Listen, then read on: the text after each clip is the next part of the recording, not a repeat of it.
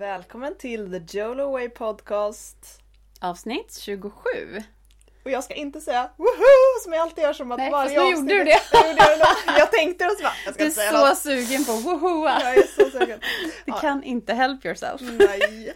Avsnitt 27 och vi är Ja. mitt i vår serie om self-love. Ja, men jag tycker kanske att vi ska säga något litet ord om det. För vi har liksom bara helt plötsligt Vi släppte bara- vi bara ut self-loven. Ja, precis. Ja. Varför gör vi det överhuvudtaget? Varför har vi det här? Äh, nej men alltså, någonstans har väl kanske vi båda två landat i att det är ju typ en av de absolut viktigaste sakerna. Typ det för, viktigaste. det är typ det viktigaste för vårt välmående, för vår hälsa. Och allt vi gör vad gäller liksom träning, mat, sömn, relationer. Allt ska ju någonstans grundas i det här. För gör man det inte av självkärlek Mm. och liksom med självkärlek då blir det ju pannkaka av alltihop. För jag tror att det kanske kommer, alltså många gånger så är saker som man gör eller saker, vad ska man säga, hur man lever handlar mer om att, in, alltså kanske inte så mycket om just självkärlek utan det handlar om att plisa andra, leva upp till någon slags ideal som inte man själv har satt upp utan som samhället har satt upp. Men göra saker liksom för någon annans skull egentligen. Ja. Eller för man tror att det förväntas av en. Precis, eller och att typ som att träna för att ha en viss look Ja. istället för att varför, varför gör jag det här? Och istället, ja, du förstår. Gå Och med ni på- förstår. Ja, ni, fattar vad vi menar. Men vi Ehm. tycker att det här är sjukt viktigt och det känns Ja. som att det är... Vi kanske skulle ha börjat med självkärlek från avsnitt liksom Ja, två egentligen. ja men det. Men vi börjar, sam- samtidigt så börjar vi året med det. Exakt. Vilket känns härligt. Jag Ja. tror att vi behöver det väldigt mycket i, i, efter det här 2020 som var också. Ja. Och Ehm. också tänker jag så här att det är så många som man slänger ur sig så himla mycket olika men det här året ska bli året då jag typ eh, gör ditten datten, slutar med ditten datten och sen så igen så här verkligen uppmana alla att så här, backa eller inte backa men stanna upp och bara okej vänta nu varför vill jag göra de här sakerna? Och är det av rätt anledning? Är det för att det är bra för mig, för min själ, för min kropp, för mitt välmående, för att jag ska hålla i längden och vara liksom mitt bästa jag? Eller är det här för att det på något sätt kommer av någon yttre påverkan? Mm. Det kanske här är året som man ska lära sig älska sig själv. Ja. Bästa året. Mm, ja men verkligen. Bästa grejen. Och det är så lätt då att bara säga, ja men det är klart, alla säger ju det. Vi pratar, det är så många som säger det här. Du måste Ja, ja. börja med att älska dig själv först. Och man bara, vad betyder det Men, ens? och det är, sånt, det är sånt fluff så att det går Mm. inte riktigt att ta på vad är det egentligen och hur gör man? Och det är därför som vi har tyckt att det var så otroligt härligt att Mm. dels prata med Louise då förra gången och idag så ska vi då träffa ännu en fantastisk kvinna som också jobbar väldigt mycket med självkärlek. Mm. Vill du presentera henne? Hon heter Filippa Kärnlund och eh, många av er kanske känner henne som Raw Clarity Filippa. Eh, Det var så hon startade sin eh, ska man säga, hälsoresa utåt eh, med bloggen Raw Clarity.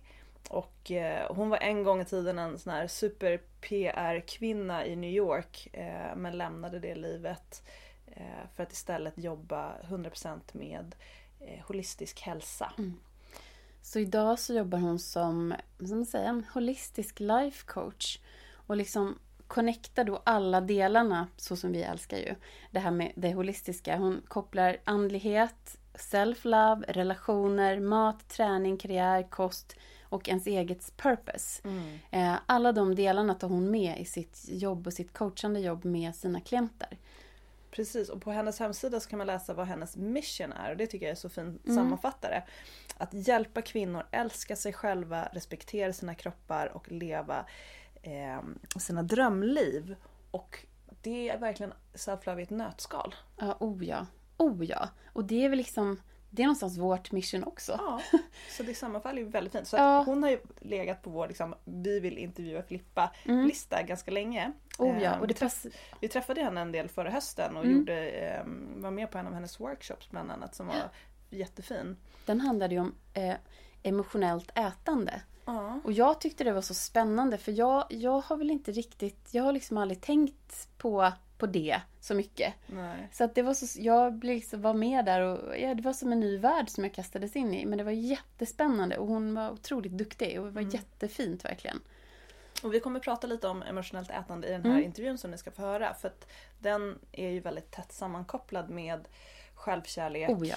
eh, varför vi äter, för att döva känslor istället för att ta tag i dem. Eh, för att trösta oss själva. Eh, alla de här bitarna. Och Mm. det har Filippa egen erfarenhet av också. Det var lite grann så hon kom in på hela grejen. Men det Mm. får hon berätta om i intervjun. Ja, så att eh, vi, jag kan, vi kanske inte ska säga så ska mycket säga så mer. mycket mer. utan Filippa Kärnlund som sagt, Raw Clarity Filippa. Vi, eh, Hon vi finns välkomnar henne här. Ja, man säga. precis. Och att Raw Clarity Filippa Mm. på Instagram. Om ni vill följa henne. Så vi, vi är så glada att vi fick träffa henne. Det här Ja. blev ett fantastiskt samtal. Så jag tror att ni allihopa kommer älska det här samtalet. Verkligen. Så eh, bara Mm. sitt tillbaka här nu och njut Och njut. Så, nog pratat från oss tror jag. Ja, Ja, så varsågoda. Här kommer Filippa Kärnlund. voilà. Enjoy! Hej.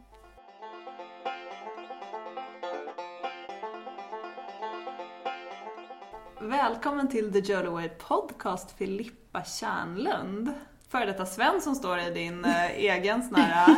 Ja, jag har haft en del efternamn. ja, Hur många har du haft? Eh, fyra faktiskt. ja, ja, det står ju mig. Ja. Vilket har du gillat bäst? Eh, ja, men jag gillar Ja, bäst. Ja, är fint. Men jag gillade Svensson när jag bodde utomlands för då Ja, är hade jag en connection till Sverige. Ja. Nu är folk så här: how do you spell that? Och jag bara, ja det, alltså. Ja, Ja. Kärnlund är ju lite utmaning på engelska. Eller hur? Ja, Then verkligen. there's stay with the dots.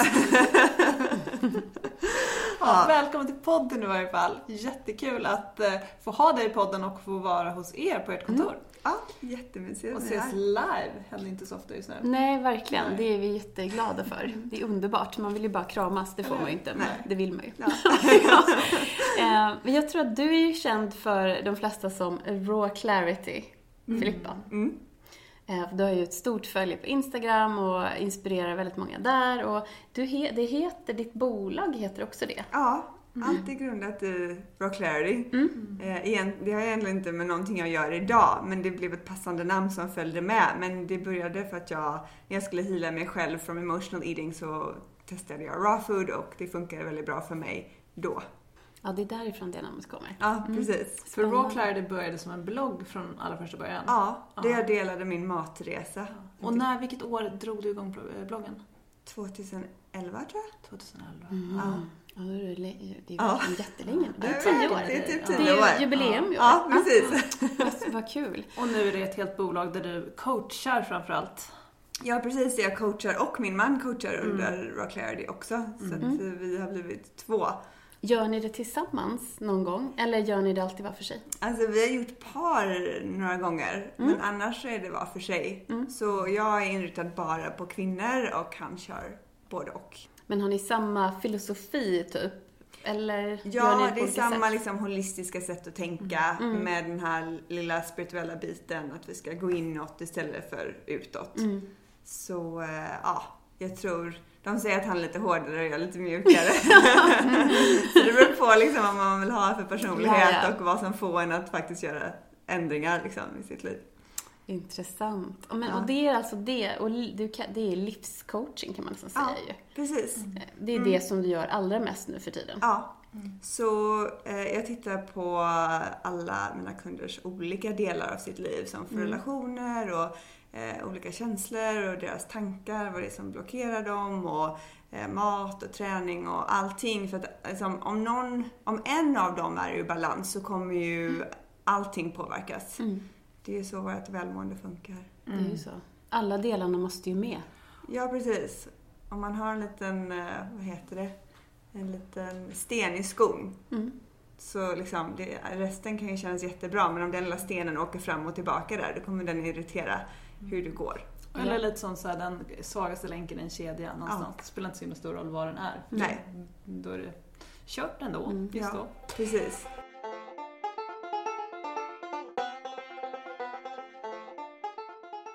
Hur kom du in på det här? Hälsa och wellness och hela konkarongen? För du har inte alltid hållit på med det.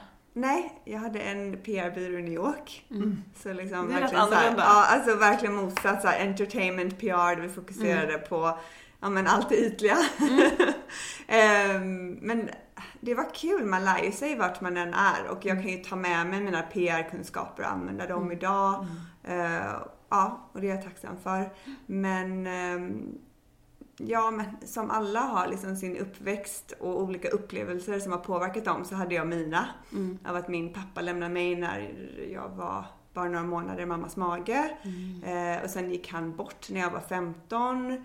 Ja, och så allt däremellan som vi alla har. Och jag tror inte jag förstod att de sakerna påverkade mig. Men jag hade en väldigt osund relation till mat och till min kropp och mycket självhat och ehm, mycket så här, bara jag får det där perfekta utseendet, de perfekta betygen. Jag trodde jag behövde vara perfekt för att bli älskad. Var, det var någon typ av jakt på kärlek och Ja. bekräftelse? Ja, Ja. jag trodde det från mina föräldrar men egentligen ifrån mig. Mm.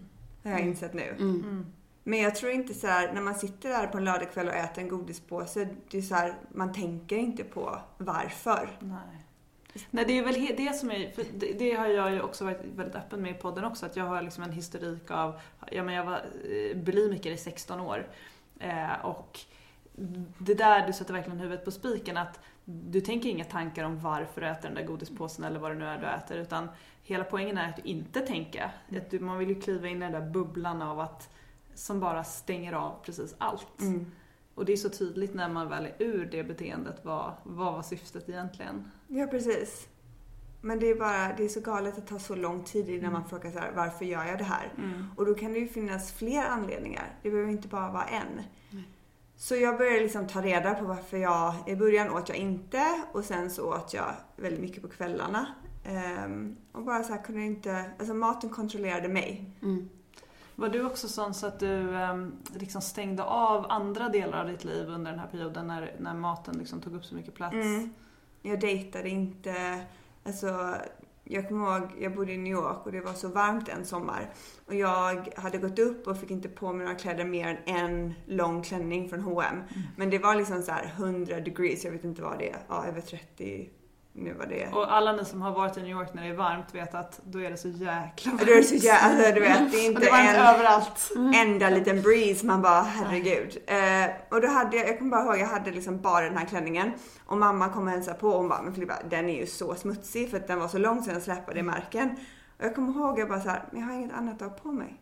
Alltså jag har inget annat som jag Och känner mig heller inte komfortabel vara i. så här sugen på att liksom vilja gå ut och handla någonting då. Man Nej. vill liksom inte köpa kläder när man känner sig Nej, i, precis. den, i det läget. Nej. Jag kommer ihåg, jag var gift innan och jag kommer ihåg dejten jag gick på med Stefan. Ehm, han ville liksom att det skulle vara middag på en lördag. Jag bara nej, nej, vi kör drinks efter jobbet. För att det var ett par byxor som jag gillade, som jag kände mig fin i och då ville jag ha den outfiten. Så, det, alltså, det, är så det är så tragiskt att prata om det. Mm. Eh, så mycket man har liksom undvikit och sagt nej och... Och så mycket tid som man har Ja. lagt kan jag känna personligen att det är alla de här timmarna som spenderas i den där bubblan och för mig i någon sorts då eh, jag för att bli av med all den här maten genom liksom kräkningar och eh, träning liksom in absurdum. Allt som kretsade kring att liksom komma in ur den här bubblan och hantera allting kring det. Men, men återigen till vår grundfråga, den hälsoresan som du började på då för att komma ur det här. Mm. Fanns det liksom ett hälsointresse innan överhuvudtaget eller kom det ur liksom den här krisen eller bottenläget? Jo, men alltså, jag, jag tror det är som de flesta. Alltså, vi, alltså, vi kvinnor idag är liksom smarta. Vi vet vad vi ska äta. Alla vet det på ett sätt, liksom. Eh, på någon nivå. Eh, men det är ju liksom applikationen av det som är det svåra. Och så är det ju med allting. Ja. Liksom, åh idag ska jag vara positiv och jäklar där, där följer jag tillbaka i ett negativt mindset. Så att, alltså det är ju, jag tror, alltså jag är så mycket för action steps. Och ibland när folk frågar mig så här, men vad är skillnaden på, på en coach och en terapeut eller så? Då är det så här, coach är så mycket action. Det är inte, vi går bakåt och hämtar pusselbitarna så att du förstår det själv idag. Men det är så här, vi, vi hela tiden applicera och ta och gå framåt och ta det framåt. Ehm, så att jag hittade liksom så här verktyg som funkade för mig. För att börja liksom, ja men om man säger så här, maten var liksom dörren in till mina känslor. Och, och genom att känna känslor förstod jag också så här, hur jag hade blivit programmerad som barn. Ehm, alltså kanske så här, alltså mamma var jättefin mamma men hon sa, mycket, hon sa oftast nej till saker och ting. Eh, och jag var äldst av fyra så jag kanske inte alltid fick den kramen som jag behövde när jag kom hem från skolan. Så det, det är små saker och ibland kommer kunder in till mig och säger så här, "Ja, men jag har inte haft det så traumatiskt. Jag bara, nej det kanske inte är en stor händelse men många, många, många små som har påverkat dig. Så de tittade jag på och började faktiskt hitta sätt att verkligen må bra. och verkligen liksom heala min relation till mat. Mm. Ehm, det var ingen kort resa. Så Nej, att jag tror inte på quick fixes. Men det funkade. Och då var jag så här: wow, det här funkar och jag vill ge det till andra. Och var det då du liksom upptäckte intresset för raw food eller var det någonting du hade liksom haft innan? Jag tänker i förhållande till också när du startade bloggen och det. Ja, alltså jag tror att grönsaker är väldigt healande. Mm. Så jag tror, i- alltså jag äter inte raw food idag. Jag blev faktiskt lite trött på raw food och hade lite så upp och ner liksom en, i, i min energi. Mm. Men vad jag insåg var liksom att få i sig mer grönsaker och en grön smoothie, alltså start på dagen, är ju en jättefördel och det gör jag fortfarande många gånger. Mm. Ehm, så jag lärde mig att connecta med det. Och sen så liksom var det en resa med att jag då skulle börja bli coach Mm. och gick på IIN, Institute of Integrative Nutrition. Och där lade de fram typ så här alla matval du kan tänka dig. Ja. Och så på slutet var de så här: okej, är du liksom förvirrad nu? Jag bara, ja, jag är jätteförvirrad över vad jag ska äta. Eh, Men det var då jag var så här: okej, istället för att följa en mall, låt mig lyssna på vad min kropp vill ha. Så det blev att jag la till ägg och sen kanske för fem år sedan så la jag till fisk. Eh, jag och min man var på St. Barts och så hade de liksom fångat massa färsk fisk precis på en lunchrestaurang. Och då satt jag där, ska jag ta den här vegetariska pastan eller ska jag ta en nyfångad fisk? Och min kropp var bara liksom, hallå? Fisk! Fisken Ja, liksom. ja. Ja, alltså det var så här. Det var så att jag bara följde hjärnan av all, alla ännu regler jag hade lärt mig om vad jag skulle liksom äta som vegetarian eller vegan. För det där är också så intressant när man börjar liksom lyssna på vad kroppen vill ha. För jag kan känna med det här känslomässiga ätandet som i vart fall jag höll på med och säkert många känner igen sig i.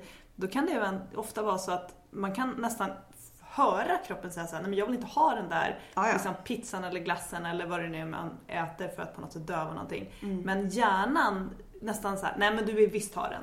Jo du vill ha den. Så här, nu tar vi den för att du är Du är ledsen. värd den. Du är värd den och du är ledsen eller vad det nu är. Det har varit en tuff dag så nu ska du ta den. Fast man nästan ändå kan höra kroppen säga såhär, nej jag vill inte. Och just hur det, man behöver liksom bara börja göra de där skiftningarna mot att faktiskt såhär, ja vänta okej jag kan lyssna på kroppen nu istället för liksom hjärnan och känslorna. Och hjärnan kommer skrika som ett litet barn. Mm. Men som alla barn lugnar ner sig. Och den kommer lugna ner sig. Men det är ju, alltså jag tror ju att det är, du tänker en tanke som blir en känsla och sen som blir liksom något form av agerande. Så roten till allt det här sitter ju i tankarna. Ja. Så det är där man ska börja om man känner sig hjälplös. Det är så här, åh titta vad är det för tankar jag tänker? Och inte ge dem så mycket kraft. Och det här, har inte, det här kan appliceras i massa andra områden. Det har ju inte bara med mat att göra. Och dina tankar kommer avgöra hur du mår. Mm. Alltså ångesten, oron, allt det där är grundat i någon tanke eller flera tankar. Så ändrar man sina tankar så kommer man ändra hur man mår. Mm. Eh, Och det är, ett, det är lättare sagt än gjort. Det är ju det. Men, Ja, men det går. Ehm, och jag tror mitt bästa verktyg det är observation. Mm. Att liksom observera tanken, inte följa med den, inte pusha bort den. För så här, du kan inte kontrollera vilka tankar som kommer upp. Men du kan eh, välja reaktion på dem. Mm. Så istället för att hänga med dem och göra vad de säger så kan du säga ah kul att ni är här. Du kan bara fortsätta förbi. Tack, vi ses sen, hejdå. Men om man backar då tillbaka till när du var, för du var i New York när det här började. Du jobbade på, hade din PR-byrå. Ja, alltså jag, jag har haft det här, tror jag, när jag var yngre också. Men det blev, det blev väldigt så här, det eskalerade. Ja. Och, och jag tänker själva resan mot något annat började när du var i New York. Ja. Och liksom, vem, vet du vem det var eller vad som var, vad, liksom, vad var the moment när du bara, okej, jag måste ta en annan riktning nu. The moment var, jag bodde, för er som, som känner till New York, på eh, Mulberry Spring. Ja, det är Nolita. Och där finns ju en bokhandel som heter Books and Books. Jag vet, jag vet inte om den finns kvar. Och jag tänkte så här, ja, men låt mig, jag tänkte nog att jag skulle gå ner och köpa någon kanske mer så här matfilosofi eller någon dietbok egentligen. Men någonting som bara så här, nej nu måste jag gå ner och bara hitta något som kan hjälpa mig. Men istället så hittade jag boken The Secret. Eh, ja, det handlar ju om attraktionslagen, att så du tänker, det är det du får. Och eh, jag gjorde en vision board där jag skrev typ healthy for life. Jag var så trött, jag ville bara så leva ett sånt liv som jag såg så här, tjejer gå på gatan i New York med yogamattan och juicen på väg till något så här mysigt ställe. Jag bara, jag vill också vara så. Mm. Alltså så vill jag ju faktiskt leva. Så då målade jag upp liksom en vision board ja, och massa andra saker därpå också. Mm. Eh, att jag ville typ träffa eller gifta mig och liksom hitta någon och allt det där. Och jag fick alltså allting på den visionboarden. Det jag behövde då. Och det var där det började. Mm. Så att liksom redan när jag frågade universum efter hjälp så var den så här, hallå, det spirituella hållet, det är här lösningen finns. Eh, och det är också så jag guidar idag, liksom mm. att jag, att så här, har du inte någon form av faith i det hela, någon form av tro. Det är in, alltså inget religiöst men något tro på någonting större, mm. hur livet funkar, hur du är en mm. del av livet.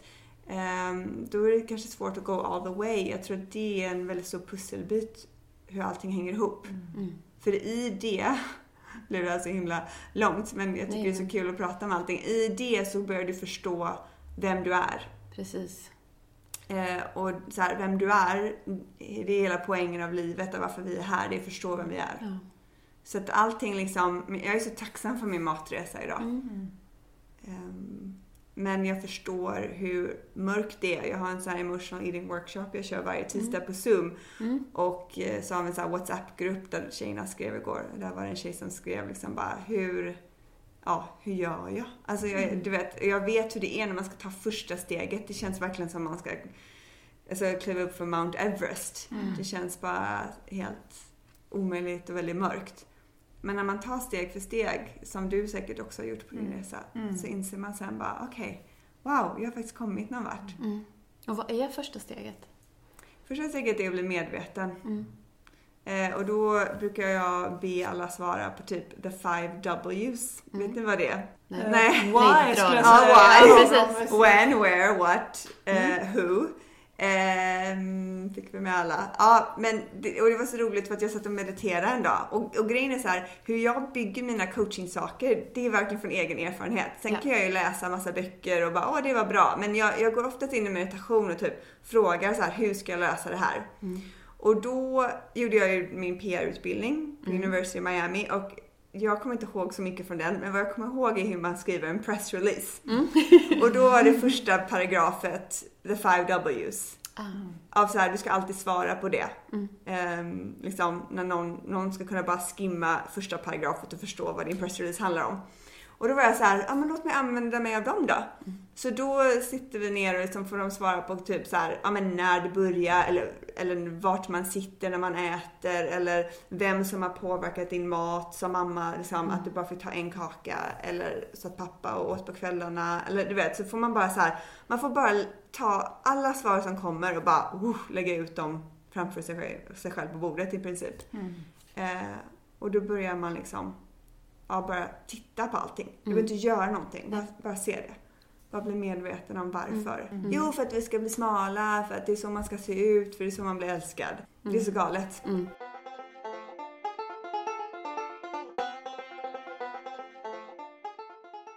Det är spännande som du säger att det börjar i det börjar inte med att du tog upp en kostbok och bara så här ska du äta för att nå det här resultatet. Utan du började med ett inre arbete med, på ett helt annat, på liksom ett mer spirituellt plan, eller mm. andligt plan mm. om man ska säga. Mm. Och jag, vi, jag tror så himla mycket på det.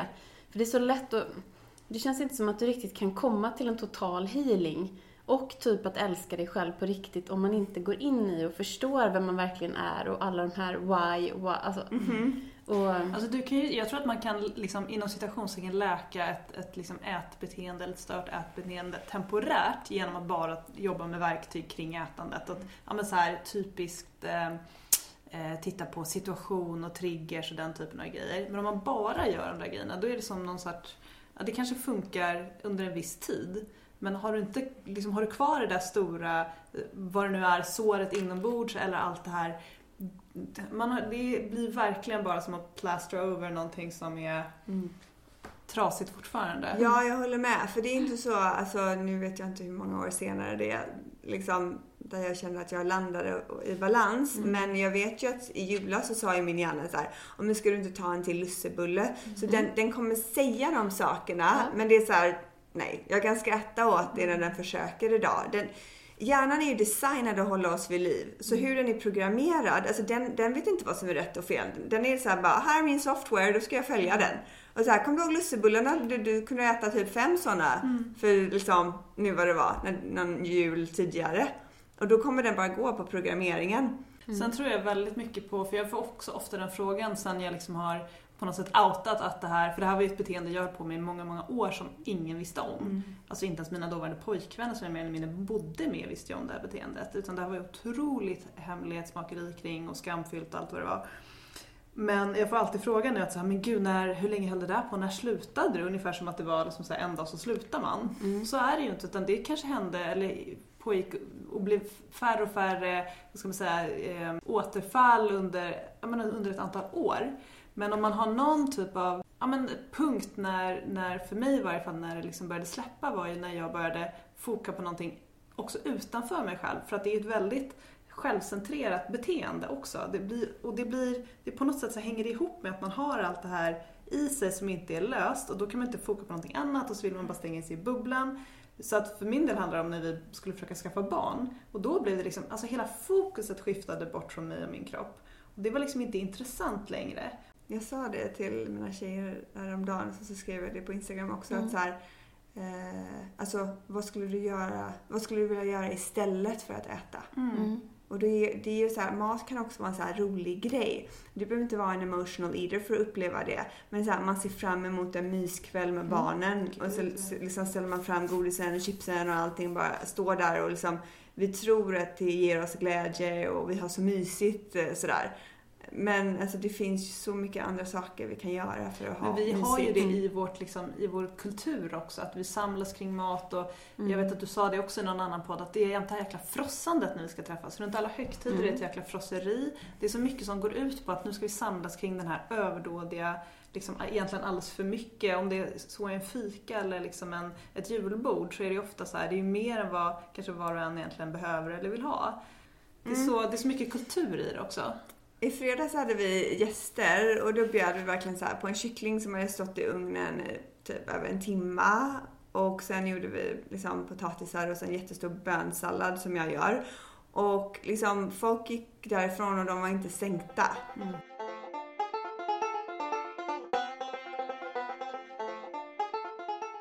Men hur kom det sig att du valde att byta karriär sen? Alltså jag har gillat liksom event. Det var det jag drogs till. Och det var så jag kom in på PR. Så jag tyckte det roligaste vi gjorde var mer röda mattan än att sitta och pitcha in ja, olika produkter till olika redaktörer och sånt där. Och jag tror också, du vet, jag, min perfektionist hade satt det här målet av, jag är uppväxt i Miami och så sa jag så här, när jag är klar ska jag till New York och jag var 21 Ja. år och jag hade liksom de här toppbetygen och jag hade, ja men du vet allt det där ja, skolans bästa lärare som har skrivit mina rekommendationer Mm. och jag bara, jag ska till topp 5 PR-byråerna i New York.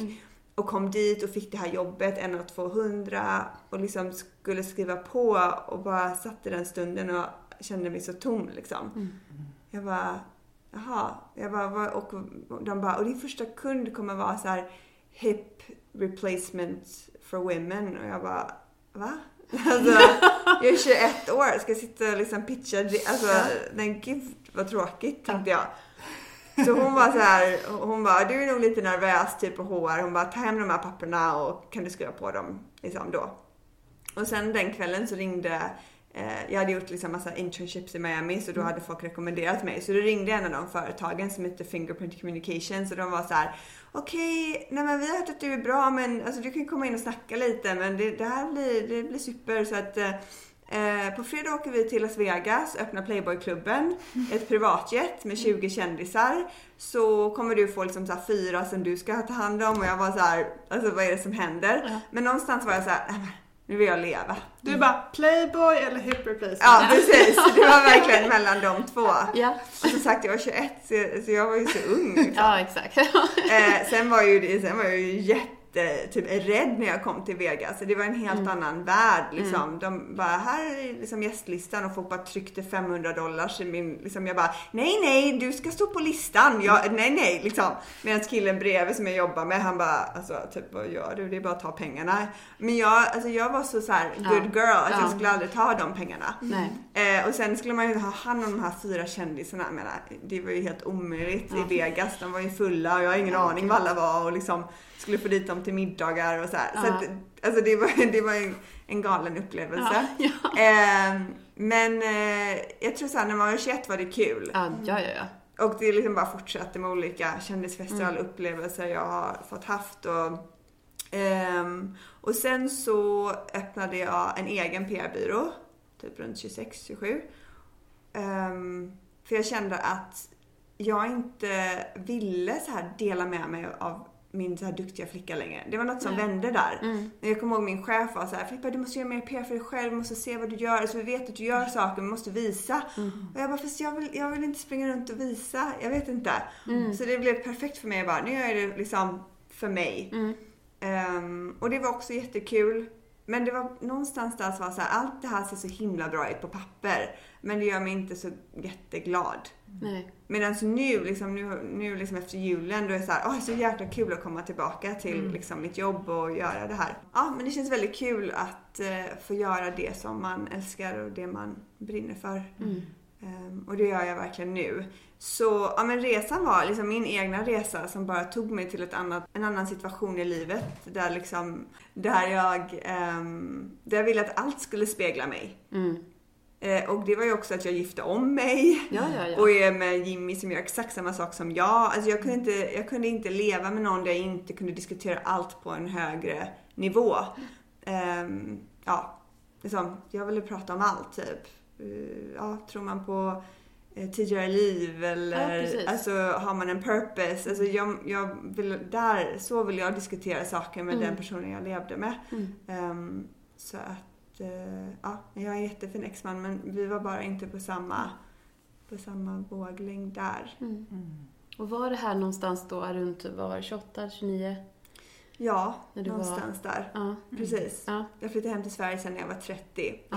Då, hade jag redan börjat coacha i USA. Mm. Och gjorde du det som en transition, liksom att du jobbade fortfarande lite med PR och med coaching? Ja, du precis. gjorde så. ja. Så att du gick inte... Ja. Du kan, ja. Nej. Mm. nej, nej, jag kunde så här flyga till LA och jobba på en söndag och sen sitta hela måndagen och plugga på Starbucks på det jag verkligen ville göra. Alltså Ja. det var så, ja.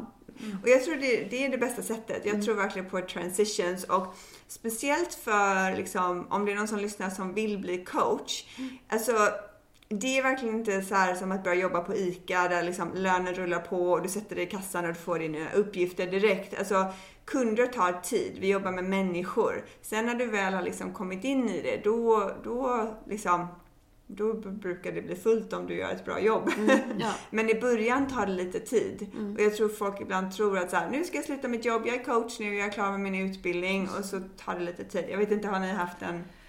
Ja, alltså Mm. vi jobbar ju lite på lite olika sätt. Jag jobbar ju lite grann med, med liksom ätande och eh, människor som behöver hjälp med, med den biten. Och det är ju verkligen så här, men jag tycker att jag märker nu att det börjar så här ticka på lite grann när jag inte bryr mig om det. Mm. Mm. Vilket är rätt kul. Helt plötsligt Du börjar inte jag få så här- jagar? Jag jagar inte för Nej. humör utan nu fokar vi på någonting annat och då är det som att så här, det man har sått så här, något Mm. år innan börjar liksom. Så det är roligt. Mm. Men det, man får inte ha för, jag vet inte, inte för stor press på det kanske. Och Nej, men man kan verkligen inte ha bråttom. Nej, Nej. exakt. i den här branschen. Men sen när man har etablerat sig, då är det väldigt bekvämt. Mm. Eh, och då kan man ju också välja kunder som man själv vill ha. Mm. Man behöver inte jobba med alla om man inte Nej. vill liksom. Man ska jobba med de som inspireras. Och jag tycker det är kul med de som, ja det är, det är självklart, med de som applicerar det man, Mm. man pratar om Mm. och får resultat. Det är ju roligt. Det är klart. Ja, men alla, alla liksom behöver ju mm, liksom olika tider till att Mm, göra det här. mm. Och det som du sa, det tog år för dig. Det tog också år för mig. Mm. Ehm, och jag jobbar fortfarande varje dag med mig själv på olika saker. Efter maten så var det silent treatment. Efter silent treatment blev jag jätte säga, svartsjuk eller avundsjuk. Svartsjuk i Mm. min relation. Mm.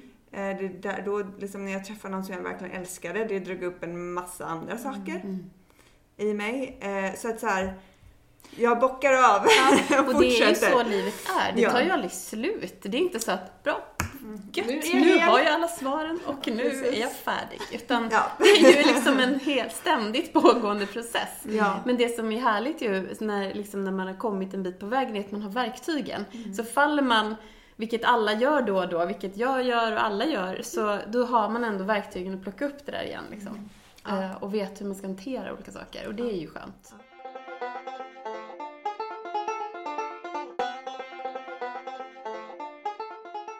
Vet ni vem Sadhguru är? Nej, säger Nej, jag. nej, jag Nej. säger också nej. Ja. Jag har hört det, men jag kan inte säga att jag vet. Nej, eh, jag hittade honom typ på YouTube. Mm.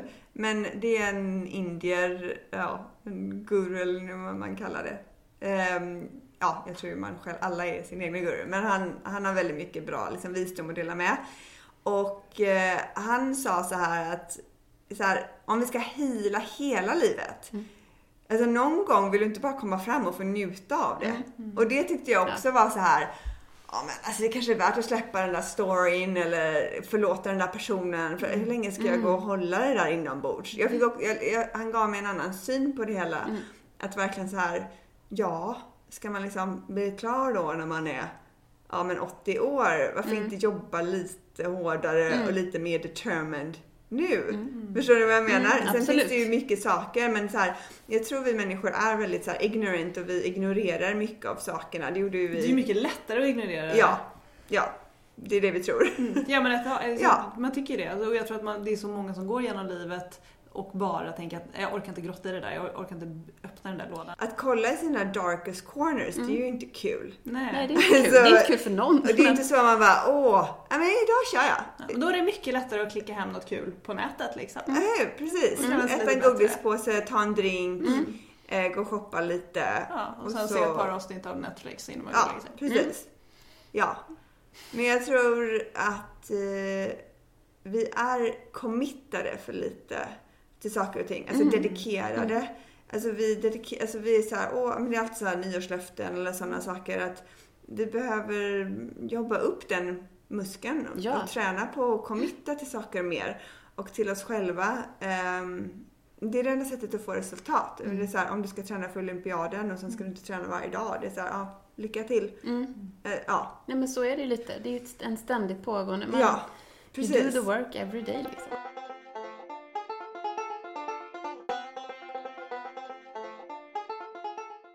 Jag tänker att vi kanske, för det här det, det vi pratar om nu, det kopplar egentligen, vi har ju te- temat självkärlek eh, i podden nu. Eh, och vi tyckte det var så fint att få träffa dig, för jag vet att du pratar ju väldigt mycket om självkärlek och när det handlar om emotional eating till exempel, är, alltså det kokar ju ner väldigt mycket typ, och hur ser vi på oss själva? Att det är så väldigt många som inte älskar sig själva. Och att det leder till så mycket, till så mycket svårt och så mycket problem. Eh, vad, jag tänkte bara börja med att fråga dig, vad är självkärlek för dig? För mig personligen, Mm. det är att stanna kvar. Alltså man kan ju formulera det på, alltså själv, definitionen av självkärlek på så många olika sätt. Ja, ja. Men det är att jag inte lämnar mig själv. Mm. För så är jag så programmerad att göra av samhället, av mina Mm. föräldrar, omedvetet och medvetet. Liksom. Att, eh, men jag har alltid haft mitt keyword stay.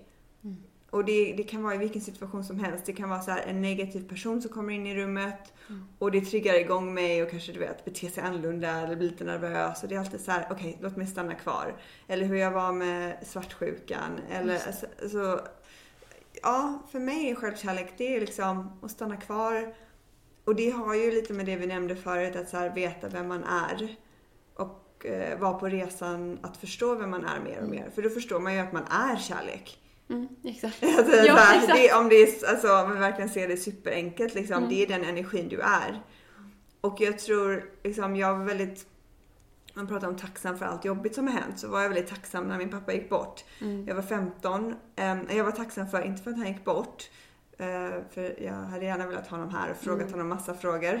Hade du någon kontakt med honom då? Eller Ehm, två gånger innan. två gånger innan? Mm, Okej. Jag såg honom två gånger. Mm. Och det var för att jag fick reda på att han, att han skulle opereras och hade en hjärntumör. Mhm. Så att jag åkte hem till honom. Mhm. Eh, och sen så sågs vi på en fika och sen så opererades han och så gick han, och så gick det inte. Men visste du under hela din uppväxt fram tills du då var 15 och han gick bort att du hade en pappa som hade lämnat dig? Eh, alltså var det en, Ja. Det var ingenting som man liksom Nej, på det visste jag. gömma undan utan Ja. det är ju väldigt, den är ju rätt så här, tuff sanning att få som, Ja. som barn att så här, Ja, att bli lämnad innan man ens är född av en Ja. av sina föräldrar. ja.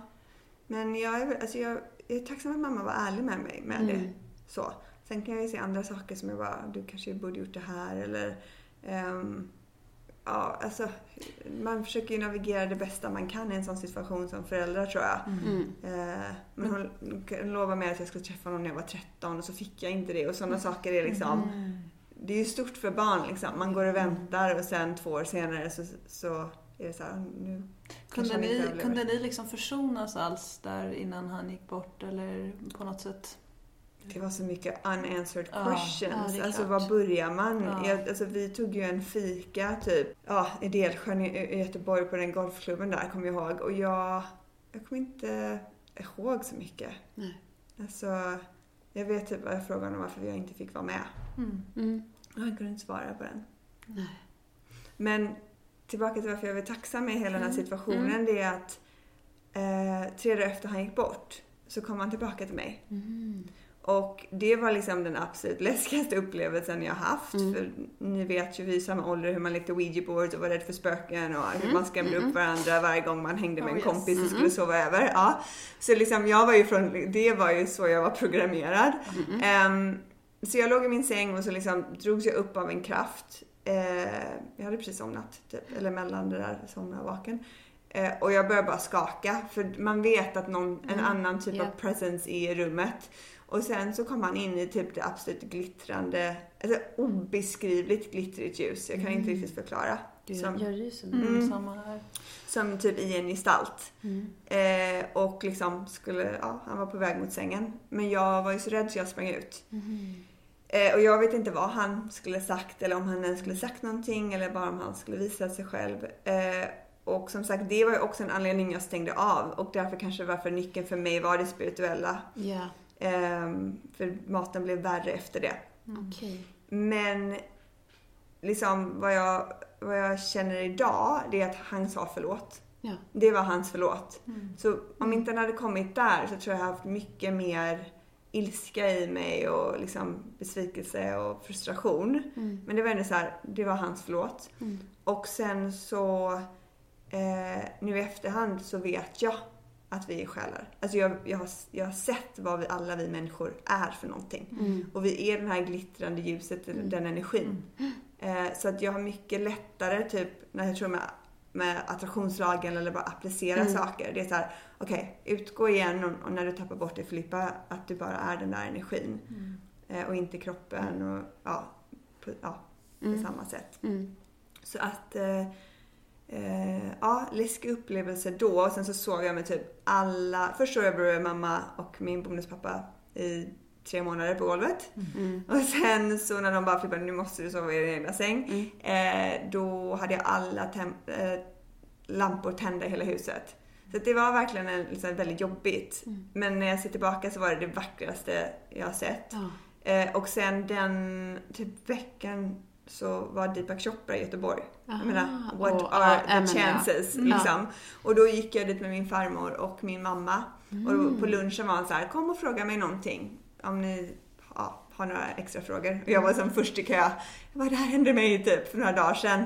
Och han bara, men det, det är ganska normalt. Det är så här, om en själ inte är klar Mm. så behöver den bara komma och mm, ja, göra upp för sig. Mm. Och det var bara det som hände. Mm. Eh, Det var att han kom i en annan form och jag var inte beredd för det. Mm.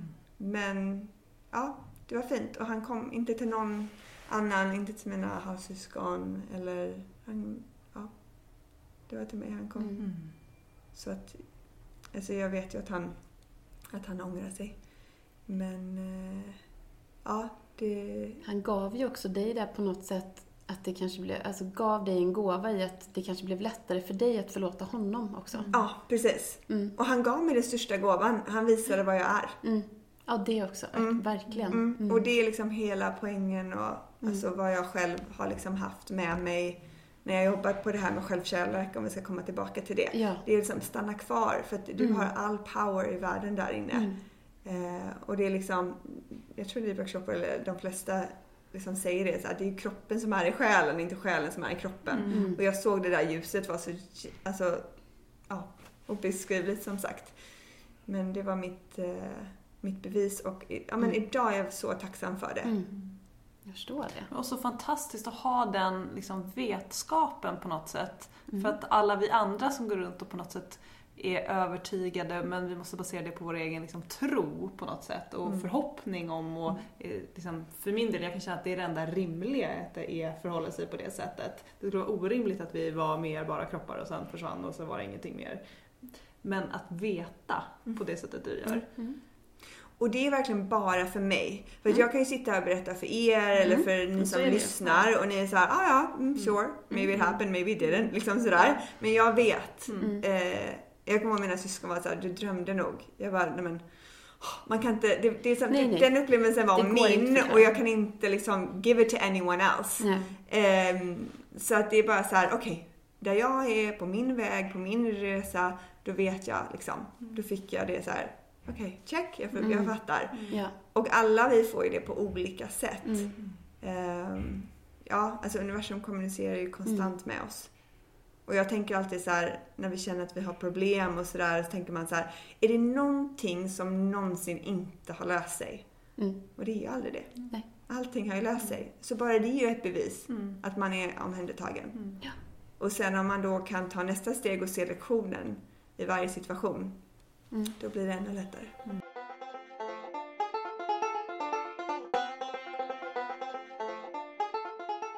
Jag har suttit och läst, eh, Louise Hay har ju skrivit den här You can heal your life. Du, Jag läste du har för läst den. exakt ett år Ja, sedan. och, och jag har läst den innan men jag, jag har liksom gått tillbaka Mm. till den nu och, och du, har, du har ju läst, läst den den, också. ja. Och hon säger så här, jag vill nästan läsa upp det för hon skriver så här When, when people come to me with a problem, whatever it is, poor health, lack of money, unfulfilling relationships, there is only one thing I ever work on and that is loving the self. Mm. Och det, bara, det resonerar så himla väl i mig och jag tänker så att det kokar ju ner till det någonstans allting. Alla våra problem, det vi har, det är ju det här att vi, vi måste börja med att älska oss själva på riktigt. Um, A Course in Miracles säger Mm. det på ett, på ett annat sätt. De säger att alla problem grundas i separation. Mm. Så om det är separation till dig själv, separation med andra, separation från sanningen, Mm. separation till att göra val som du inte vill. Mm. Alltså så här, alla dina problem är liksom solved by, alltså unity eller hur du vill liksom gå tillbaka till Ja. sanningen och inte separera längre. Nej. Så det är samma, det är samma sätt på ett annat sätt att säga det på. Ja. Och därför är självkärlek för mig när jag inte lämnar mig själv. Just det. När jag gör liksom val, när jag lyssnar på mig själv, när jag slutar lägga ner gaffeln, när jag inte är hungrig längre. Alltså alla de små sakerna. Ja, för- och det är ju så, vilket bra verktyg verkligen. Så himla tack för det tipset. För att det är så lätt att om nu gör jag det här och så inte tänka på varför jag gör det eller varför jag, liksom att det från, kommer från mig själv utan det är så mycket som ändå hamnar i att det kommer från att jag tror att den personen vill ha det så här och då gör jag så. Och det här är så roligt för det här knyter så himla tydligt an till lite mer, ska man säga, klassiskt här, eh, terapeut-KBT-verktyg. Att lycka, vad handlar om, vad är lycka? Det är att vara i linje med, att leva i linje med sina värderingar i mångt och mycket. Och vad är det? Jo men det är ju att leva på ett sånt sätt så att man lyssnar på sig själv, sitt inre och är sann med sig själv. Mm. För när man inte, gör man det, då är man ju lycklig. Mm. Eh, sen kan det hända grejer på vägen som man måste lösa, men det är ju liksom någonstans att vara lycklig. Mm. Och hamnar du på någon annans väg, hur jävla fin den än må vara, då får du den här obalansen. Separationen från din sanning, separation från dig själv Mm. och att inte leva i självkärlek. Mm. Jag tycker det är ett sånt fint sätt att beskriva det, för de beskriver det så här, typ, ja men du vet hur vi alla har tusen problem. Mm. Så när vi har läst ett har vi ett till och vi är aldrig liksom problemfria. Och då säger liksom A Course in Miracles, den boken, typ så här, ja men du löser det allt med bara liksom se på separation. Mm. Och då tänkte jag så här, vad skönt. Då behöver inte jag hitta hundra olika lösningar på varenda jäkla problem jag har. Mm. Och liksom det är så här, ah, vad skönt. Mm. There's just one answer liksom. Ja. Ja, snyggt. Alltså det, det var sån relief för mig. Men det är också så att vi någonstans, det är så lätt att hänga upp sig på små problem som man blåser upp till jättestora problem för att då slipper man ta itu med liksom den stora frågan som någonstans är det man borde kanske hålla på med. Just det. Typ som nu har vår bil pajat. Och så här, det är verkligen ett praktiskt problem. Och sen så var vi ute nu i helgen och du vet, åkte skridskor på den här vackra sjön och i solen. Och jag bara, alltså livet är fantastiskt. Eh, och min mamma bara, fast vi har ju det där med bilen. Och jag bara, ja vi har det där med bilen och det är liksom ett trängande problem just nu. Men det är så här, det är fluff i kanten liksom. Att så här, någonstans kunna så här, placera de sakerna också. Man kanske inte behöver lösa alla grejer, praktiska problem eller emotionella problem. Men den stora liksom, coren. Det är det som är viktigt. Ja.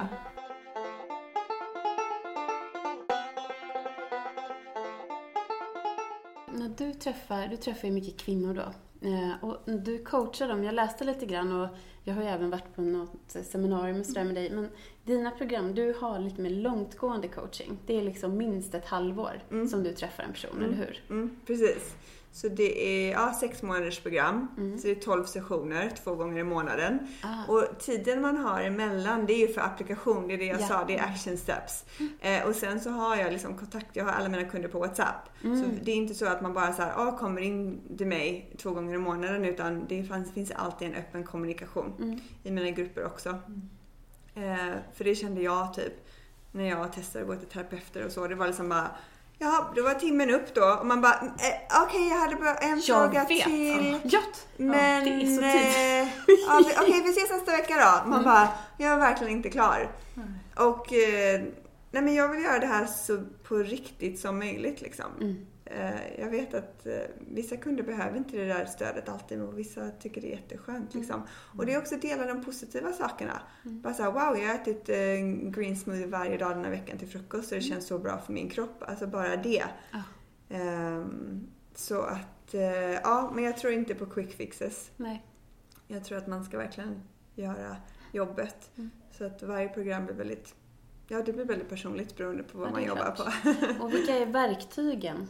Jag vet att du pratar ju väldigt mycket om självkärlek och hur, alltså, och eh, ja, du blandar liksom alltihop. Alltså du är från ett väldigt holistiskt perspektiv men också andlighet, mat, träning, rörelse, meditation antar jag. ja, alltså jag tror, det finns ju många verktyg, men Mm. mycket liksom att omprogrammera tankarna. Ja, ja. För det är de där det börjar. Ja, det är där Mm. det börjar i alla. Och det är där det började när vi var små. För Mm. om man tänker liksom så här, hur vilda vi var och liksom Mm. connectade vi var, hur mycket den här genuina, liksom hur vi skrattade. Hur mycket och, bra frågor vi hade. Ja, precis. Barn har ju så bra frågor. Nyfiken, intuitiva. Mm. Eh, och någonstans börjar det stängas av. Mm. Och det sitter ju liksom i tankarna. Mm. Man tänker, jaha så ska man inte fråga mamma för då blir hon arg eller Mm. ja, du vet sådana saker.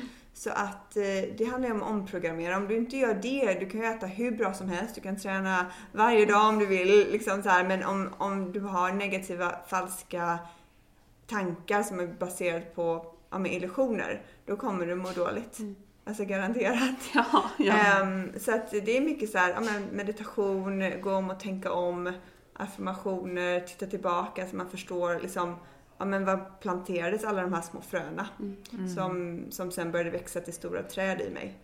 Så här, tanken så här, att jag inte är tillräcklig. Mm. Liksom, när vad var första gången jag upplevde det? Mm. Och du kanske inte alltid kan nå första gången men du kan börja gå tillbaka. Mm. Så jag ser det som att vi hämtar pusselbitar för att lägga ditt pussel så att du kan förstå dig själv idag. Mm. Vad skulle du säga, alltså nu när du träffat så många, vad skulle du säga är det vanligaste storproblemet som vi har, vi kvinnor, idag? Eh, det jag precis sa, att vi Mm. inte känner oss tillräckliga. Ja, det, ja, det var det som det man, Ja, eh, det är och, det man hör hos så många också. precis. Och det leder ju sen till liksom val vi gör så i relationer, vi känner oss osäkra, Mm. vi jämför oss med andra kvinnor, vad de gör kanske i karriären och så vidare. Eh, men man kan också gå djupare in på det där med att inte känna sig tillräcklig och se Mm. att så här, den rädslan grundas ju i rädslan av att liksom bli lämnad. Mm. Eller utanför, eller ensam, eller tillbaka till separationen. Mm.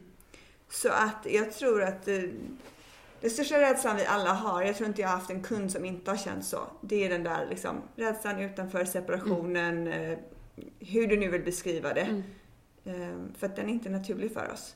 Nej. Och när vi började känna den när vi var små tyckte vi att det var riktigt läskigt. Mm. Eh, och jag tror det är därför det är så här när beb bebisar eller barn blir lämnade på dagis och de gråter. Det är inte, den är inte naturlig den separationen. Nej. Det finns ju en anledning till att man som mamma känner sig som att ens Också. själ håller på att rivas ur kroppen Ja. i det läget. Ja. Ja, för att det känns inte naturligt. Mm. Eller samma med bara den här liksom, vad är den heter? jag vet inte vad den heter, men man lämnar barnen så de får gråta, gråta i Alltså fem fem minuter. minuter Ja, typ. Ja, det är också så här, det är den Ja. mest onaturliga Mm. känslan Ja. för oss. Ja. För att, nej, det är många liksom som, ehm, när det kommer till barn som är så här, ja men låt dem bli independent och stå i sina känslor. Mm.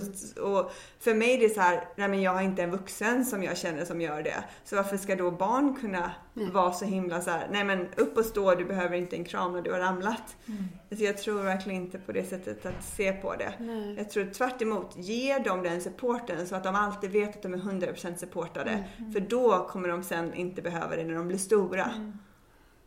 Ja. Jag håller helt med. Jag håller också Och det här med. för mig in på nästa fråga. Mm. Med allt det som du har lärt dig nu, för du har ju ett barn, en son som är två. Hur jobbar du liksom redan nu för att han ska känna sig så trygg och så uppfylld av liksom självkärlek? Vad är dina viktigaste liksom lärdomar? Jag tänker tips till småbarnsföräldrar rent konkret. Eh, att barnen får uttrycka sig. Mm. Och min enda uppgift är att hålla sig lugn. Och det är ju inte, alltså det är inte alltid så himla lätt. Oh no. Liksom när gaffeln Nej, flyger eller liksom För 51 gången ska vi tillägga. Precis. men det är så här, ja men okej jag måste ner på golvet och plocka upp spagettin en gång till och inombords är jag så irriterad. Mm. Men liksom att inte visa honom det. Mm. Alltså, det, alltså verkligen liksom jobba på det. Och sen så tror jag också liksom, eh, ja men ja att man, eh, alltså jag och Jimmy, vi hade en väldigt så här, passionerad relation när vi träffades. Och vi hade mycket bråk där vi skrek och höll på. Men jag var så här, när Oliver kommer, det är no. Alltså där var jag så dedikerad till så här, har vi någonting vi måste prata om så gör vi det lugnt. Och så hittar vi tekniker för det. För att jag vill inte att han ska sitta där när vi skriker på varandra. Nej. Alltså det är bara inte det är bara inte okej för mig. Så vad vi än måste göra för att liksom, du vet. Och vi, nu, gör, nu, vi har inte den, nu gör inte vi det längre överhuvudtaget. Nej. Så Ni har även- förmodligen lärt er på något sätt verktyg för att bli bättre på att kommunicera för att ni har varit tvungna då att ta hänsyn. Ja, och vad jag ser idag också när jag coachar kvinnor, att när föräldrarna bråkade och skilsmässa, men det behöver inte varit en skilsmässa, bara när de bråkade. Det är verkligen någonting som går in i barn och påverkar dem jättemycket. Eh, Så det är, liksom, det är bara att skärpa till sig. Mm. Alltså, det är, alltså att jobba på det på egen hand. Eh, Så jag tror så här, hålla sig calm framför barnen, även om du upplever det inombords. Och sen får man gå in i ett annat rum eller skriva av sig eller vad man nu behöver göra. Men de måste, eller måste, jag tror det är bra när de upplever trygghet Mm. eh, och stabilitet. Vi är ju deras guider liksom, vi ska ju visa dem vägen till hur de ska vara. Mm. Har du gått tillbaka, jag tänker på den resan du har gjort och, och så, har du gått tillbaka och liksom pratat liksom sådär på riktigt med din mamma kring din barndom och, och varför det blev som det blev för dig och... och Mm, vi har haft några olika konversationer. mm. Ehm, ibland känner man sen när man har gjort jobbet att det finns vissa saker som är så här. fast jag är klar, jag behöver inte säga det till henne. Mm. Och sen finns det vissa frågor liksom man har. Så, ja, men jag fick mer klarhet på min pappa och bara för några år sedan var så här, ja men han kom till din födsel. Eh, sen vet inte om det hjälper att ha den informationen för sen drog han ju ändå. Men det är bara så här, ja. Alltså det blev ju nästan så här, okej, tredje gången, okej. Men det är ändå så här, ja men det är skönt att veta, Mm. tycker jag. Ehm, sen är det ju så här med ens föräldrar, alltså bara för att man själv börjar göra jobbet betyder det inte att de gör jobbet. Så att vissa konversationer kommer du inte kunna ha. Det är som att ha dem i en vägg. Ja. Så att det, jag är nog mer att jag typ jobbar med mig själv på det hela. Mm. Och ser liksom från mitt perspektiv så jag förstår det, vad jag var besviken på och sen kanske från mammas perspektiv. Jag går in i hennes perspektiv. Precis. Liksom att min mormor gjorde silent treatment till henne. Jag precis säga det. De kommer ju med sin barndom Ja. och med sitt bagage och med den tidens normer som var då. Och, Precis.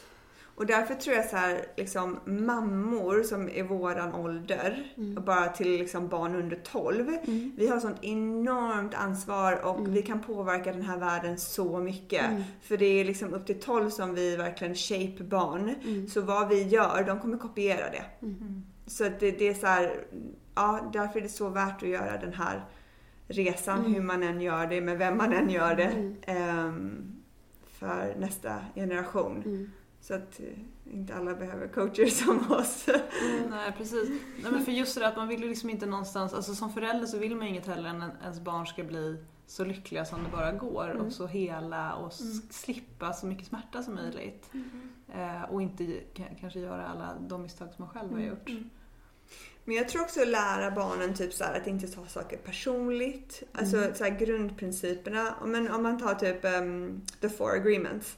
Bara lära barn typ prata positivt, eh, ta inget personligt, eh, gör ditt bästa. Då, så här, de har med det. Jag har funderat på typ så här, skriva de sakerna på Olivers vägg. Gud vad bra, för jag satt och tänkte Ja. på det, det borde man göra. Eller Typ, hur? ha dem hemma någonstans. Ja, Skriva- ja. Så jag har typ kontaktat några artists för att jag vill göra det på ett coolare sätt. Ja. Till att de ska designa det. För jag vet inte om ni kommer ihåg men så här, när- jag var liten så låg jag hos min mormor så hade hon alltid en tavla som hon hade broderat och jag typ kom ihåg den. Ja, Alltså varenda gör vi. lite söm. Ni har säkert också så här Ja, de här ja. broderierna som hängde på väggen. Ja, Mm. eller bara hemma i era tavlor i era rum och sånt där. Och om man kan liksom klistra fast det i barn genom att bara, det hängde alltid i hans rum. Typ att jag är smart, jag är det, jag är det, eller affirmationer och sånt.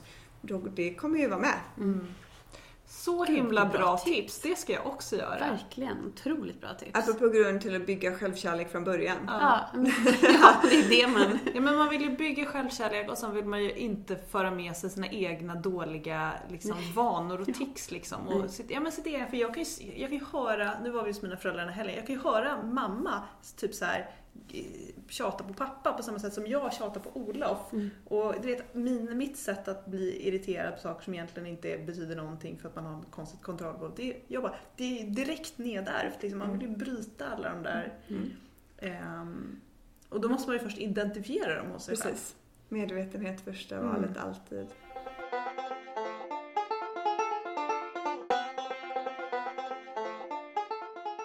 Hur ska man ta sig an om man ser att någon skulle verkligen behöva hjälp? Förstår du? Jag menar så här, Ja, ja. då, så här, hur kan man liksom närma sig någon? För det kan jag tycka är svårt ibland. För man vill inte så här predika på någon, ja men gör så här eller träffa den här coachen. Eller, hur, har du några bra tips där? Finns det någon nyckel in Alltså till att generellt om öppna någon behöver hjälp i sitt liv. som, och som kanske är ganska så stängd kring den här typen av frågor. Så här, verkligen inte så andlig eller Liksom hur man nudgar någon åt rätt håll. Jag tror att på ett dela, fint sätt. ja, att dela med sig av sin egna resa.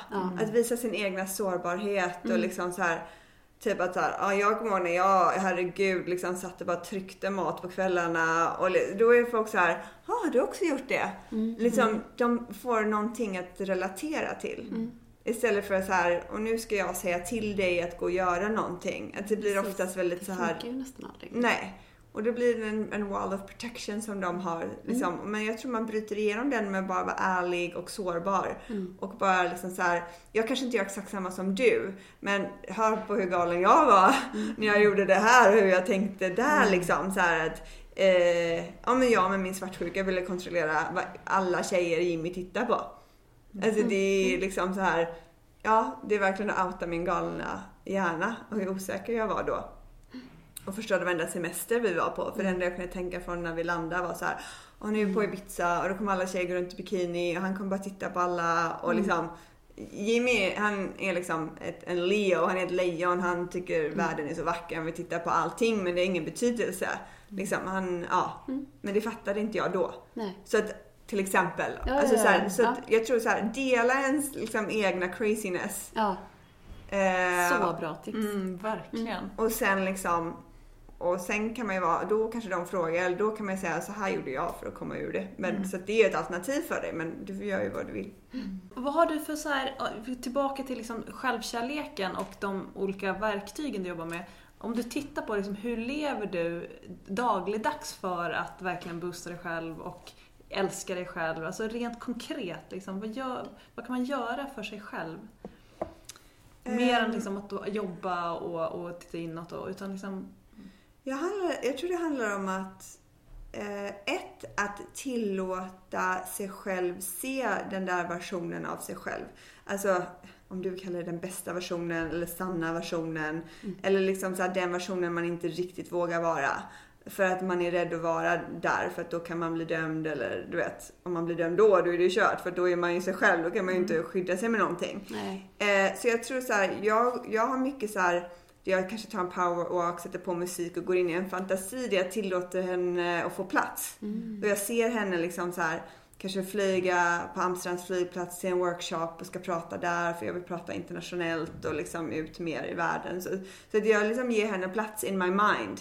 Och det är ju det universum sen gör en kopia på, vad du tänker. Det är visualiseringsjobb. Mm. Så jag ser henne för då vet jag så här, okej, och sen vad är små steg? Alltså små, små, små steg jag kan göra för att inte så här när det är ett nyårslöfte, jag ska träna tre gånger i veckan. Det är alldeles för mycket. Alltså små steg som jag, där jag kan komma närmare henne. Så typ, eh, men jag håller på att skriva på min bok och ibland så får jag tid för den, ibland får jag inte tid för den. Och då hade jag ett litet steg med att jag skulle skriva ett ord om dagen. Jag skulle bara öppna varje dag klockan åtta, skriva ett ord på kvällen och sen kunde jag stänga. Oftast blev det ju fler. Men det var bara så här showing up igen, liksom, för det jag vill göra och den personen jag vill vara. Alltså där fan är nö, jag bara nötskalet, eh, citatet, show up för den du vill vara. Det är ju Ja. liksom på något sätt essensen av självkärlek. Ja. Men Show först måste du våga se henne. Du Ja. vet, många vågar inte ens se henne. Nej. Eller honom, om det är killar som Nej, lyssnar. nej men precis. För det är inte bara att så här, show up for yourself, för det är så himla lätt att säga Mm. och på något sätt här, ha vad är det då? Men att show up för den du vill vara och den du i din core, alltså i din kärna är. Jag tycker självkärlek och många som lär ut självkärlek blir väldigt stort och väldigt fluffigt och Ja. väldigt så här. "Ah", ja, jag, jag, jag kan inte connecta med det. Eller att man ska gå runt och säga en affirmation, I love myself. Den är så långt ifrån där vi är så att det är bättre att bara ta det minsta lilla steget varje dag mot den versionen av dig själv som du vill vara. Otroligt konkret Mm. råd. Verkligen. Och superbra tycker jag. Ja, det handlar ju om att hitta sätt som funkar. Mm. Alltså, det är det som ja, jag tycker coachingen går ut på. Och det är därför det är så viktigt att så här, testa själv, vara en elev som en coach och som en ledare Mm. och hela tiden som hittar lösningarna. Ehm, ja. Och för mig är meditationen ett så stort verktyg för att det är inte att svaren kommer direkt alltid, men de kommer. Om jag har Mm. tålamod och sitter kvar och jag frågar frågan, okej hur ska jag lösa det här, hur ska du göra det här? Mm. Då kommer det liksom sådana rena, sanna svar. Mm. Till slut, tycker jag. Ehm, men det är också någonting man kan träna på. Trust muscle också. Mhm. Träna på att, ja men tro, alltså verkligen så här, lita på Mm. att det, Att det kommer. det kommer. Ja. Vad fint. Ja, så Jag fint. tror vi måste nog Ja, börja vi avsluta. måste vi börja hade kunnat prata jättelänge men eh, vi tänkte bara, det skulle vara så kul att höra lite. 2020 har ju varit ett otroligt speciellt år för alla i hela världen. Eh, Men hur ser 2021 ut för dig? Vad, what's up? Alltså 2020 måste jag bara säga. Ja. Det är klart att det var speciellt och annorlunda. Mm. Men jag tyckte också det var ett år där man fick applicera Mm. alltså, det som man lärt sig. Ja. Alltså att inte vara rädd. Ja. Jobba mycket med rädslor. Ja. Eh, vilket jag aldrig kände att jag var. Men, men det var många som var det och det var Mm. väldigt mysigt. Och, eller mysigt, det var kul att få leda folk genom så här, ni, typ, rädsla liksom Mm. behöver ni absolut inte ha här. Eh, men det är klart att det, det, det är nytt liksom. Så att man fick liksom work on trust och jag, tycker bara man fick applicera väldigt många av eh, de här liksom spirituella lektionerna. Mm. Men eh, 2021, ja jag vet inte. Jag tror det är många som är så här, stänger en dörr och börjar en ny. För mig är det en continuation som fortsätter. Men jag eh, ser fram emot att eh, Ja, på ett sätt känner jag att jag vill gå till nästa nivå med mig själv.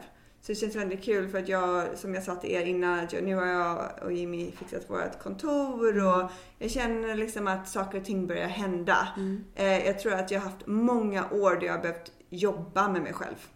Och nu kanske jag bara får liksom njuta lite mer av det. Mm. Eh, och jag tror det där jobbet var så här, men är inte det klart snart? Mm. För det var så efter min skilsmässa, det har varit liksom fram till nu så Mm. mycket saker som jag behövde ta tag i. Som jag bara såg när jag hittade en partner som var värt att stanna kvar för. Mm. Och då behövde jag börja stanna där för mig själv också. Mm. Så jag vet inte om det var ett Ja, men- svar, jo, men jag liksom... eh, svar. men det är så jag, jag tänker. Jag ska Mm. level up men eh, jag tar ändå med mig det som jag har lärt mig. Mm. Vi har tre stycken slutfrågor som vi alltid ställer. Eh, varav den första är nästan alltid delvis besvarad vid det här laget. Ja, det är ju så. Men Eh, men Ställ den ändå. Jag ställer Ja, den. kör på. De tre bästa tipsen på en god hälsa och ett lyckligt liv. De tre bästa tipsen. Mm. Ehm, göra sanna val.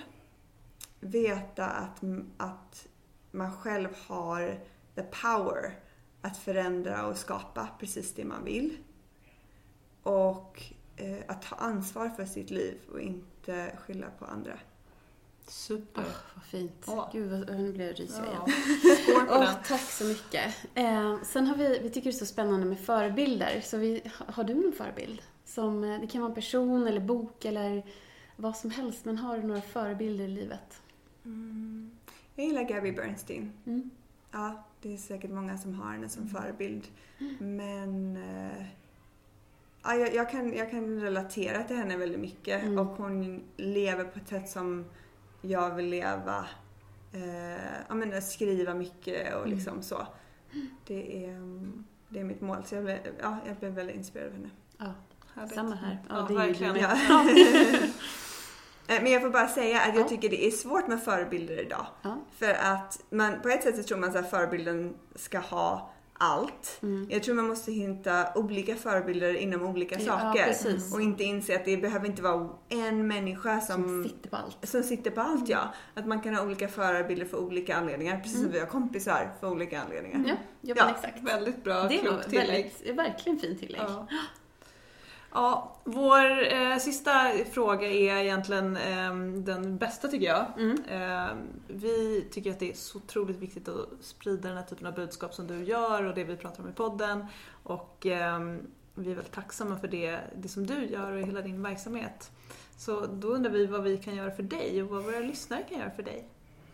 Oj, det var en speciell fråga. Vad fint. Alltså jag tror ju att vi, alltså det är ju inte bara för mig, det är egentligen för oss. På sättet som vi kommer skapa den världen vi alla vill leva i, det är ju att ta ansvar för oss själva. Ansvar för våra tankar, för våra känslor och för vårt agerande. Så jag tror om vi alla kan börja ta lite mer ansvar för oss själva och inte skylla så mycket på andra, så tror jag vi skulle, ni skulle hjälpa mig och jag skulle hjälpa er. Fint. Ja, väldigt bra slutord. Mm. Tack så jättemycket. It- It's a wrap. Ja, it's a wrap I think. Yes. Okej. Tusen tack. Tusen Tack så mycket. tack Filippa. Och vi kommer ju länka till allting som vi Ja, har pratat om här. Och jag vill bara också avsluta med att säga, om man vill följa dig, vad, vad hittar man dig? Eh, på Instagram at rocklarity. Nej, rocklarity Filippa. Mm, just det. Eh, at rocklar, eller, ja, at rocklarity Filippa på Instagram och sen eh, ja, rocklarity.com om Mm, man vill ha coaching och Mm. andra saker och gruppcoaching och gå vidare. Och du har, att- visst har du något community också? Eh, ja, jag har alltså Rock Clarity Circles, Mm. det är kvinnogrupperna. Ja. Och sen just nu har jag med Corona flyttat mycket på Zoom. Mm. Så att eh, de grupperna är lite eh, på paus för nu, Ah, nu okej. kan det bara vara fyra personer. Ja, Men jag det. kör Zoom-kurser. Den senaste har varit på emotional eating. Mm. Och allt det hittar man på din hemsida. Ja, precis. Perfekt. Perfekt. Tack så Och, och podden också.